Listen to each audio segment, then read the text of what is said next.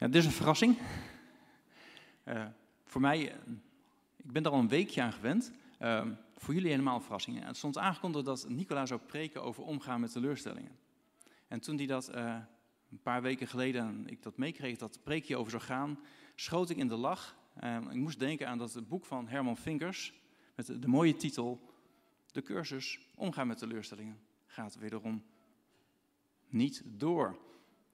Ik tipte Nicola van, ken je dat boek, ken je die titel? Uh, ja, ik moest eindelijk een beetje gniffelen om uh, deze titel van deze preek.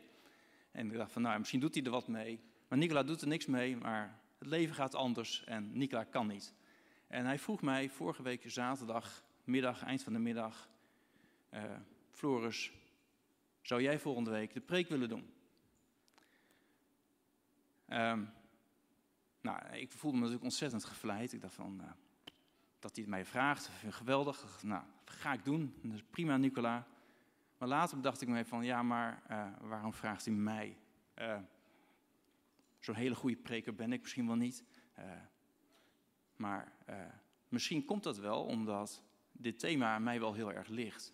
Dus misschien vindt hij wel mijn leven wel zo ontzettend teleurstellend. Zo van, Floris, die kan er wel mee omgaan. Dat zou kunnen. Een andere is, en die is, zit misschien nog iets dichter bij de waarheid. Zo van, uh, Floris heeft mij zo vaak teleurgesteld, die weet er ook alles van. Uh, en, en dat is even, mensen die mij kennen, die weten het. Ik, ik stel af en toe mensen teleur.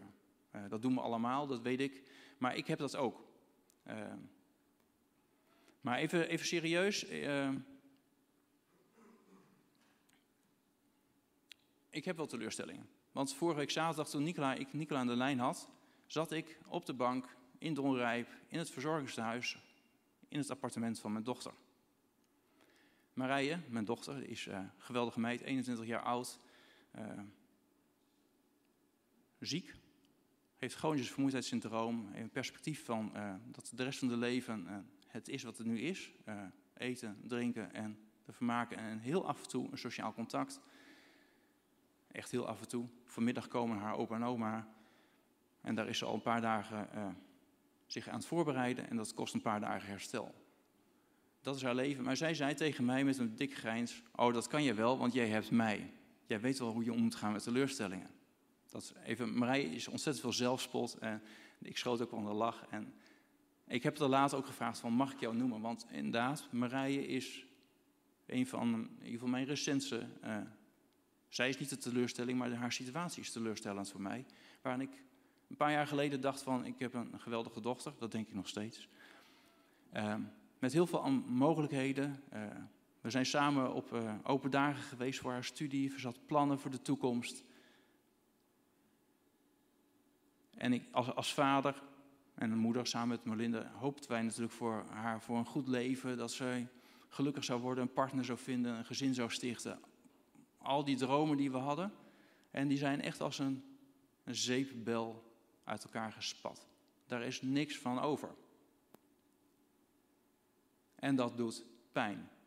En daar heb ik gewoon heel veel vragen over gehad. En voor een deel heb ik ze nog. Um, daarom dit thema, dat uh, zegt mij veel. Er is nog een reden waarom het mij heel veel doet. Omdat ik al een anderhalf, twee jaar echt zit met een thema waar ik zeg van, daar wil ik wat mee. Want omdat dat wringt en dat is uh, het thema omgaan met lijden. De vraag van het lijden. Nou, dat komt hier ook terug, dat kom ik later, kom ik dan wel op terug. Veel mensen, door ik ben niet de enige, zijn uh, teleurgesteld in het leven. In relaties, in de medische wetenschap, in de kerk, in God. Je loopbaan loopt anders, je wordt ontslagen, je, of het gaat niet goed. Er gebeurt van alles in je leven. En Iedere keer weer, elke dag, elk uur vinden, worden er mensen teleurgesteld. En soms is het oppervlakkig en ga je weer door. En soms word je raadloos, zit je te neergeslagen en kan je wel echt, eh, heb je een leed wat ja, onuitwisbaar is. Wat je gewoon meedraagt de rest van je leven. En dat kan gewoon in het leven zijn, maar je kunt ook teleurgesteld raken in God. En dan is de vraag van, ja, waar is hij? Waarom grijpt hij niet in? Waarom houdt hij zich verborgen? Al dat soort vragen die, die, die komen op, die blijven hangen en die, Ja, daar worstel je dan mee. En dan is er van, is God nou echt betrokken? En dan, dan in je beleving is God er niet, of is die ver weg, of terwijl je toch, als je in, in de psalmen, in psalm 32 vers 8, daar zegt God ook, ik zal je de weg wijzen die je moet gaan. Ik zal je raad geven, ik zal voor je zorgen. Ja, als God dan dat belooft, waar is die dan in die moeite? Als je, er niks meer van merkt, hoe zit dat dan? Nou, even, dat is het dilemma waar we allemaal geregeld, af en toe, de een wat meer, de ander wat minder misschien, tegenaan lopen.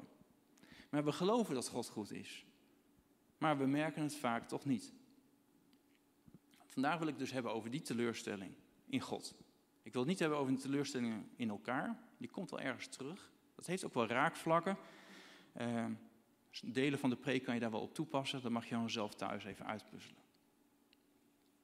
Ik wil deze preek graag uh, ja, doen aan de hand van het leven van Job. En ik ga een aantal citaten van Job eh, uit het boek Job, die wil ik met jullie delen. En het is een boek van 42 hoofdstukken, er gebeurt heel veel. Dus ik ga eventjes heel kort het verhaal schetsen, zeg maar Job in een notendop. Uh, zodat ik daarna gewoon makkelijk kan citeren. Uh, het boek Job is een heel mooi boek. Het is een, drama, een poëzie. Het is uh, Shakespeare en dan nog mooier. en het begint in de hemel. En het begint bij God die loopt op te scheppen tegenover alles en iedereen om hem heen. Over hoe goed Job eigenlijk hem wel dient. En Satan is erbij en Satan zegt van ja, lekker makkelijk. Job heeft heel veel zegen, het gaat goed met hem. Niet zo gek dat hij uh, trouw is. En dat, er ontstaat een discussie tussen God en Satan en dat mondt uit in een, ja, soort van weddenschap. Dat Satan de vrije hand krijgt en God zegt van, het lukt je toch niet om Job van zijn trouw en zijn geloof aan mij af te halen. Satan krijgt de vrije hand en er ontstaat ontzettend veel onheil in het leven van Job. En dat betekent dat hij was rijk, hij was welvarend, hij had een groot gezin. Maar al zijn vee was weg, of geroofd, of gedood door de bliksem. Al zijn knechten waren of afgeslacht door eh, de rovers, of ook door die bliksem getroffen. Zijn kinderen waren allemaal omgekomen in een ingestort huis. En uiteindelijk werd Job ook nog ziek, had hij zweren over zijn hele lichaam. En zat hij ergens buiten op een asbelt zat hij te klagen. Vol teleurstelling, vol vragen. Dan komen er drie vrienden bij hem. Uh, Elifas, Bildad en Sofar. En die uh, zitten een hele poos bij hem stil en uiteindelijk gaan die met Job in gesprek. En dan ontstaat er een, moet ik even snel rekenen, ik denk een 38, eh, nou 36 hoofdstukken vol met gedichten waar ze elkaar toespreken en waar op elkaar reageren. En uiteindelijk, als die vrienden uitgesproken zijn en Job heeft geantwoord, komt er een vierde vriend plotseling de hoek omzetten. Die uh, komt plotseling naar binnen vallen in dat stuk. En die neemt het woord en neemt het op voor God. En dan neemt God zelf het woord en spreekt Job aan. En daar geeft Job dan antwoord op. En dan komt het tot een climax, tot een oplossing. Nou, daar komen we straks op terug, maar dan is eventjes het hele verhaal van Job. Dan wil ik het hebben over teleurstelling. Dat doe ik in drie punten. Uh, even de definitie, de symptomen en daarna drie oplossingen. Dat is ook punt drie, maar het zijn er ook drie. Uh, en dat is eigenlijk waar het, hoe gaan we ermee om, hoe kunnen we ermee omgaan. Als je kijkt naar een definitie van teleurstelling, is, er is teleurstelling als er een kloof is tussen wat we ervaren van God of van het christelijk geloof. En wat we ervan verwachten en hoe we het leven ervaren. En dan eigenlijk de definitie die ik zou willen gebruiken vanochtend is: teleurstelling ontstaat als je ervaring niet voldoet aan je verwachting. Wat je meemaakt, wat je bij je binnenkomt, klopt niet met wat je had verwacht. We hebben verwachtingen van God en het gebeurt anders. En dan zeg je van, waarom heeft God niet ingegrepen? Waarom heeft God dit niet? Heeft hij dit toegelaten? Heeft hij dit... Eindeloos veel vragen kunnen we stellen. En dan zijn we teleurgesteld omdat, teleurgesteld omdat onze verwachtingen niet uitkomen. Je bidt voor genezing, je bidt voor een partner, voor een kind, voor een geliefde die ziek is. Ga maar door, vul me in. En dan lijkt het net alsof God zich tegengekeerd heeft. En Job ervaart dat ook zo en die verwoordt dat als volgt. Ik roep u om hulp, maar u antwoordt niet. Ik sta voor u, maar u wilt mij niet zien. U bent wreed voor mij geworden. Met al uw kracht hebt u zich tegen mij gekeerd. Het zijn hele krachtige woorden. Straks komen er nog wat krachtige woorden langs. Maar dat is wat het gevoel ten diepste is als teleurgesteld raken in God. Als ik dan kijk naar de symptomen die dat met zich meebrengt, uh, ja, dat is ja, eigenlijk een beetje een psychologisch deel even van deze preek. Uh, dat is om het zelf bij jezelf te herkennen en om eventueel teleurstelling ook bij je broer, bij je zus naast je te herkennen, zodat je daar het merkt en bemerkt en wat mee kunt doen. Want als je teleurgesteld bent, dan resulteert dat in moedeloosheid. Je trekt je terug. Je gaat, krijgt zelf medelijden. En dat kan je gaan koesteren. En je, wordt, je wereldje wordt kleiner. Je kunt gaan twijfelen over alles. Zelfs over het bestaan van God. Je krijgt spijt misschien wel dat je mensen hebt vertrouwd. En daardoor kan je een muur om je heen bouwen. Je kunt in een ivoren toren gaan zitten. Noem maar op. Al dat soort beelden komen dan bij je op, kunnen, kunnen ontstaan. En dan zie je dat teleurstelling vaak leidt, als daar niks mee gebeurt, dat je je terugtrekt. En dan werkt dat door in, God, in je geloof in God. Het werkt door in je relaties. Ook je relaties hebben daaronder te lijden. Want op het moment dat jij teleurgesteld bent en je hebt het zwaar in je relatie met God, dan verwacht je weer van de mensen om je heen dat ze er wel zijn. Dat ze naar je vragen, aandacht voor je hebben. En als ze dat dan niet, daar niet op reageren of niet aan voldoen, aan die verwachting, ontstaat er de volgende teleurstelling. En dan kom je in de visieuze cirkel. En dan zou ik weer mijn preek opnieuw moeten beginnen, want ontstaat een teleurstelling omdat je dingen verwacht van anderen. Als je dat merkt bij jezelf, dat je, van, je hebt het moeilijk met God, dat kan, dat mag, dat had Job ook. En je verwacht dan hulp en steun van andere mensen. Geef dat aan. Spreek dat uit. De teleurstelling hoef je niet mee in je eentje mee te lopen. Dat mag je samen doen. We zijn een familie, ook daarin zijn we samen. En ook als je uh, het bij je broer of je zus merkt, hier in Gods gezin, dat hij zich terugtrekt, dat er wat gebeurt, dat hij niet lekker in zijn vel zit. Stapt op af. Het, is, het voelt misschien een beetje ongemakkelijk, maar wat is er aan de hand? Wat gebeurt er met je? Wat is er? Zodat je misschien zelfs kunt zeggen, wat kan ik voor je doen? Moet ik wat vaker voor je zijn? Dat om te voorkomen dat je in die visieuze cirkel komt. Dan, gelukkig, er zijn drie oplossingen voor teleurstelling. En dat is eigenlijk de, kern van het verhaal wat ik eh, graag aan jullie mee wil geven. En de allereerste is, uh, we hebben het net al gelezen, Job die sprak uit naar God wat hij ervan vond. En dat is heel erg belangrijk, dat je teleurstelling uitspreekt naar God. Als je God niet snapt, stel hem gewoon je vragen die je hebt. Want Job verwachtte, hij leefde ontzettend zuiver voor God en hij verwacht zegen. En dat komt niet. En hij ervaart Gods handen als heel erg bitter. En eigenlijk gedraagt God zich in Jobs perspectief als vijand. En dat zegt hij dan ook keihard in Job 30. Ik verwachtte het goede, maar het kwade kwam. Ik verwachtte het licht, maar de duisternis kwam. Zo kunnen wij dit ook hebben. Op het moment dat er wat gebeurt in ons leven, je verwacht genezing, je verwacht een nieuwe baan, je verwacht een baas die zich bezig gedraagt. Wat dan ook. Maar als het uitkomt, dan kan je dat soort vragen hebben. En Job, die formuleert dat best scherp. Zoals in Job 13 zegt hij, waarom luistert u niet naar mij? Waarom doet u alsof ik uw vijand ben? Een hoofdstuk later nog harder. Dat is echt, is dat het in de Bijbel staat, anders zou ik het niet durven zeggen. Maar een berg stort in en wordt vernietigd. Een rots wordt van zijn plaats gesleurd. Water slijpt stenen tot stof. Aarde wordt door regens weggespoeld. Zo doet u de hoop van de mens teniet. Job beschuldigt gewoon God ervan dat hij de hoop bij hem weghaalt.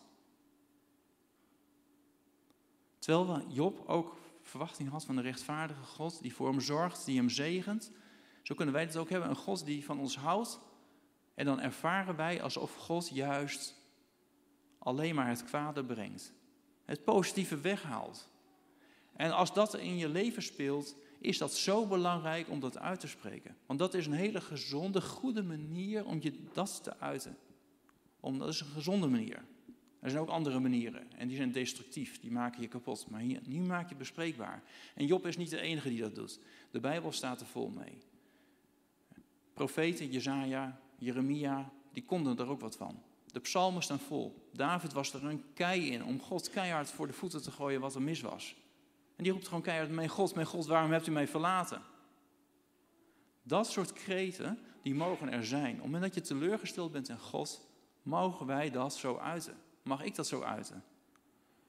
En dat is soms best lastig, omdat ik geleerd heb om heel beleefd en eerbiedig naar God te zijn. En dat voelt heel erg onbiedig, maar dit is een hele goede manier om het uit te schreeuwen naar God van God, waarom? Ik snap het niet, dit is niet eerlijk, u doet mij onrecht aan. Want dat is wat de emotie is die je hebt. En dat is namelijk ontzettend belangrijk om dat te uiten. En die emoties, en dat is eigenlijk meteen een brug naar het tweede punt, komt vanuit onze gedachten hoe onze verwachtingen zijn. En daarom is het tweede punt heel erg belangrijk dat je onderzoekt wat je verwachtingen zijn. Want we hebben allemaal verwachtingen, verwachtingspatronen. En we kunnen soms heel veel dingen verwachten van God. En ook van mensen. En daar zijn we door schade en schande ook wel vaak achtergekomen dat mensen uh, niet een hele hoge verwachting kunnen voldoen. Maar God, ja, God is zo groot, God is almachtig, God kan alles. Dat geloven wij, dat beleiden wij, God is goed. En toch voldoet God niet aan die verwachtingen. Maar dan is de vraag of onze verwachtingen wel realistisch zijn. En als wij hele hoge verwachtingen hebben, naar elkaar, maar ook naar God, dan functioneert dat als een, een eis, een claim, iets wat wij van God verwachten. En als God daar niet aan voldoet, is God niet goed. De vraag is, is onze eis, is onze claim wel goed? In het boek Job zie je dat ook. Uh, ik lees een eh, vers uit Job 21. Uh, eh, daar kijkt Job naar de ongelovigen. Als ik denk aan wat er gebeurt met slechte mensen. En die waren in zijn tijd waren er mensen die echt zeer goddeloos leefden en erop los leefden. Dan word ik boos, dan tril ik van woede. Want slechte mensen hebben een mooi leven. Ze blijven gezond en sterk en ze leven lang. Waarom gaat het zo goed met die? Het gaat hem voor de wind. Zij is succesvol. Het gaat allemaal goed, van een leien dakje. En wij verwachten dat God, Job verwachtte dat in ieder geval, en die neiging heb ik ook nog wel eens, dat je zegt van ja, maar dat klopt niet. Die mensen leven er niet naar en dus verdienen ze het niet. En een van de vrienden van Job, Elifas, die zegt dat uh, nog ietsje harder, een hoofdstuk later waarschijnlijk een reactie hierop. Die zegt, of denk je soms dat God je straft omdat je eerbied voor hem hebt? Nee, hij straft je juist omdat je slecht bent. Want alles wat je deed was helemaal verkeerd. Leuke vriend. Zeg van, Job, je zegt wel dat het oneerlijk is dat God jou straft. Maar God straft jou, dus moet je wel iets verkeerd gedaan hebben. Het beeld van Elifas was straf, onheil, is, komt van God en is een straf op wat je zelf gedaan hebt. Je krijgt gewoon wat je verdient. Dat was het beeld wat Elifas had van God. Job had het beeld zo van, het is niet eerlijk, want ik verwacht inderdaad dat God zo handelt, maar hij doet het niet, want bij mij gaat het verkeerd. Dus, dus daar zat een denkbeeld, zat een beeld van God in. En ja, dat is ook de reden waarom in de Bijbel zo wordt gewaarschuwd, in de tien geboden, maak geen beeld van God. Op het moment dat je een beeld creëert van God, wordt dat belangrijker dan God zelf. Kan in de plaats van God gaan staan en kan je beeld van God, of kan Gods werking vertroebelen, staat in de weg. Wij creëren allemaal beelden, maar onze beelden moeten ondergeschikt zijn. In dit stuk zitten eigenlijk twee problemen. En dan ga ik even terug naar die definitie. Als, ik pak hem er even bij.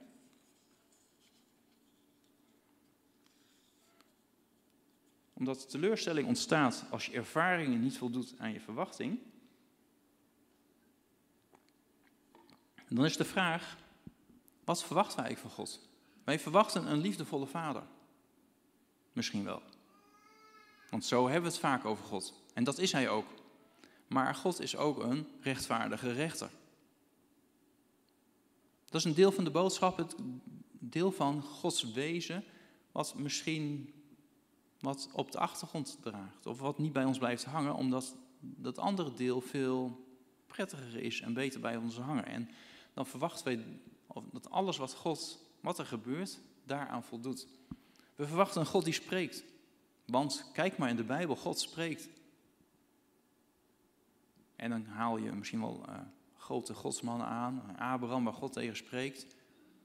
Maar ja, als je dan eventjes goed zou doorkijken, dan zie je Abraham, die is uh, eh, 175 jaar geworden. En als je gaat tellen hoe vaak God tegen hem gesproken heeft, dan zitten daar perioden van jaren of decennia tussen dat God gewoon niet gesproken heeft. Dus dat komt ook voor. Dat is ook God. Dus dat moeten we ook ons realiseren. God geneest. Ja, God wil, zo, openbaart zich ook als de geneesheer. Maar God geneest niet altijd. Ja, dat is een boodschap die niet prettig is. En die misschien, ik misschien wel ver naar achter wegdruk. Maar dat is wel de realiteit. God geneest niet altijd. En als iemand ziek is en we bidden voor iemand en we verwachten dat God geneest, dan zit daar de potentie in van dat wij zwaar teleurgesteld zijn omdat wij God te klein hebben gemaakt. Omdat God niet altijd geneest. God is niet de goede vee die met zijn toverstokje zwaait en het is weer goed. Zo is het niet. Aan de andere kant moet je ook kijken naar onze ervaringen. En die is eventjes wat lastiger en die worden, daar worden we ook ja, op het verkeerde been gezet door onze cultuur, onze maatschappij. Uh, want we zijn heel snel geneigd om dingen die ons overkomen aan God toe te schrijven. Maar sinds de zondeval leven wij in een gebroken wereld en gebeuren er gewoon ook hele vervelende dingen. En het maakt niet uit of je nou gelooft of niet gelooft, of je nou in Nederland woont of in midden in het hartje van Afrika. Maakt niet uit of je blauwe of bruine ogen hebt. Bruin is mooier, vind ik zelf. Maar eventjes, er gebeuren gewoon vervelende, slechte dingen in je leven. In mijn leven gebeurde gewoon rottigheid, ellende. En dat heeft in feite, zet dat los van de aanwezigheid en het handelen van God. Gewoon life sucks. Shit happens. Dat is wat er gebeurt in het leven. Het leven is niet leuk. Er zijn een heleboel mooie dingen in het leven, daar mogen we van genieten. Maar er gebeuren gewoon altijd vervelende, rottige dingen in het leven. Of je nou wil of niet, dat is nu zo. Dat hebben we gewoon te accepteren. En als we ons daar de ogen voor sluiten, dan krijgen we ervaringen, zo van, valt het tegen en dan verwachten dat het bij God vandaan komt. Is dat onze ervaring? Maar dat is niet zo, het is gewoon het leven wat gebeurt. En daarom is het belangrijk om wat ons overkomt niet altijd direct te koppelen aan handelen of het nalaten van handelen van God. Het is gewoon het leven. En het vervelende is, even onze maatschappij, die uh, speelt er heel erg op in. Als we een gesprek hebben en het gaat over wat ons overkomt, en dan uh, de opmerking van ja, als je maar gezond bent. Hoezo is gezondheid nou zo belangrijk? Dat is even in onze maatschappij het allerbelangrijkste. En op het moment dat je ziek wordt, moet er een pil in, dan moet er een, wat geregeld worden, want we kunnen niet hebben dat we ziek worden of ziek blijven. Dat is niet acceptabel. Het is niet, we accepteren het niet meer als er dingen mis zijn. Het wordt wat beter, misschien af en toe, maar eventjes, we hebben alles wat gebrekkig is, stoppen we weg. Uit het normale leven. Als je met een handicap geboren wordt, zit je op een aparte school. Of je zit in een aparte tehuis. Je zit niet meer in de maatschappij. We zien het niet meer. We, het, we halen al het leed, al het lijden, halen we bij onszelf weg. Omdat we dat niet meer kunnen hebben. De dood kunnen wij ook niet meer hebben. Maar dood hoort er helaas bij, totdat we straks bij de Heer zijn. En, en dat is ook goed om te, als je daarover nadenkt, om na te denken van hey, hoe, hoe, kijken wij Nederlanders ernaar in onze maatschappij en vergelijk dat even met de andere kant van de wereld. Hoe erg het ook is als je uh, verdriet overkomt, uh, andere culturen reageren er totaal anders op. Als wij in Nederland uh, een geliefde, een dierbare verliezen, en helemaal als het een klein kind is, dan zijn we daar helemaal van over te stuur, ontroostbaar, is het ergste dat ons kan overkomen. In andere culturen is het van ja, uh, 30, 40 procent van de kinderen overleeft het toch niet. Dus we gaan gewoon door. Het pijn, maar ze gaan door. Het hoort erbij. Bij ons kan en mag het er niet meer zijn. En daardoor zijn onze verwachtingen zijn misschien wel veel te hoog. En ervaren wij, als het niet aan die hoge verwachtingen voldoet, eh, dat het de schuld van God is. Maar misschien zit het gewoon in ons denken, in ons systeem wel niet helemaal zuiver. Dus dat is goed om daar naar te kijken. En dan het laatste en het, uh, misschien wel het belangrijkste punt. Oplossing als je omgaat, als je teleurgesteld bent in God, is dat we Gods grootheid mogen ontdekken. Want dat is ook wat God doet in het boek Job. Als God het woord neemt, dat is hoofdstuk 38, daar zegt God, want toen zei de Heer tegen Job vanuit een zware storm, Job, hoe durf je aan mijn wijsheid te twijfelen? Je praat over zaken waar je niets van weet. Let op, ik ga je een paar vragen stellen en jij moet antwoord geven. Laat zien wat je weet, Job. God openbaart zich in een zware storm, die trekt de aandacht. Hij zegt van Job, nu heb je genoeg gepraat. Nu hebben je vrienden genoeg gezegd, nu wil ik het woord hebben. En die openbaart zich in die zware storm als een, ja, de grote, almachtige, verheven God. En wat, wat God doet, en dat is heel frappant, is anders dan wat ik gedaan zou hebben als ik God was. Gelukkig ben ik dat niet. Is dat God gaat geen antwoord geven op Jobs vragen. Job had vragen van waarom is dit, waarom is dat. En God had kunnen uitleggen van ja Job, ja zo gaat het soms. En uh, ja, uh, uh, Satan heeft dit in jouw leven aangericht en ik kan er niks aan doen. En geen enkel antwoord op Jobs vragen. God gaat vragen stellen. Gaat geen antwoorden geven.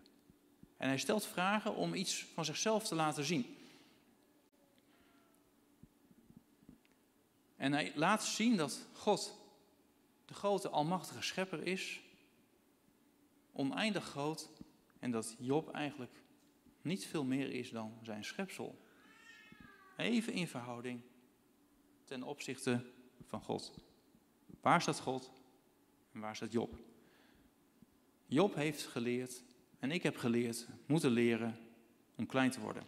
En God stelt een aantal vragen in een, in een paar hoofdstukken lang. En dan stelt vragen naar aanleiding van hoe het is met de, hoe de schepping in elkaar zit. En een aantal versen over vragen over de aarde, een aantal versen over de zee, over de dageraad, over de afgronden, over het licht en over alle dieren, hoe ze in elkaar zitten, hoe ze functioneren, hoe groot en sterk ze zijn. En dan komen er een paar uh, monsterachtige dieren langs, uh, nou, waar je uh, ooit de staatsvertaling vertaalde een nelpaard, waar je eerder een dinosaurus in herkent en een draak. En van dat soort hoe zit het in elkaar? Wat weet je ervan? Wat kan je ervan? Dan zeg God vragen als, waar was jij toen ik de aarde grondvestte? Vertel het me als je zoveel weet. Wat stelde haar, wie stelde haar grenzen vast? Jij weet dat toch? Wie strekte het medelint over haar uit? Ken jij de wetten van de hemel? Kun jij jouw orde aan de aarde opleggen?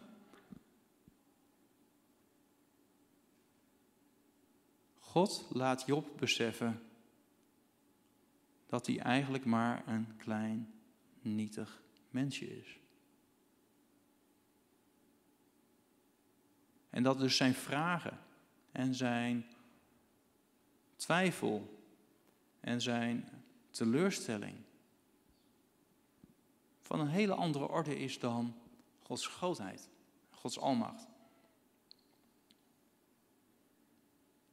Dus God geeft geen antwoord geen verklaringen voor Jobs rampen. Maar alleen maar vragen die je niet kan beantwoorden. En dat is zo belangrijk als je teleurgesteld bent in God. En dat is een hele moeilijke, dat je je teleurstellingen loslaat en dat je gaat focussen en gaat richten op God, wie Hij is. En dat je dan, als je erachter komt hoe groot God is, dan stop je met uh, God ter verantwoording te roepen waarom hij dingen gedaan heeft of niet gedaan heeft. Of wat jij denkt dat hij gedaan heeft. Want wie ben ik dat ik God bevraag over zijn beleid, over zijn keuzes?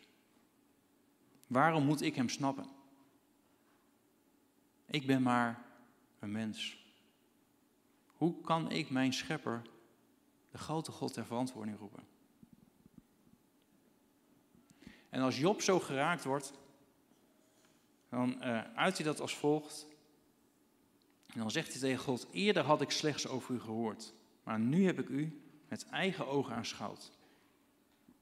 Daarom herroep ik mijn woorden en buig ik mij. Job maakt zich klein voor God. En dan zie je dat op het moment dat je God zo leert kennen, dat je als God groot wordt, dat je uh, een relatie krijgt met God om wie Hij is en niet om wat Hij doet of wat Hij gedaan heeft. En dan hangt je vertrouwen in God niet af van de omstandigheden van het leven, maar van wie God is. Philip Jensen formuleert het als volgt: Alleen als we een relatie met God ontwikkelen die niet afhangt van de omstandigheden van het leven, dan zijn we misschien in staat om vol te houden als de tastbare realiteit het laat afweten.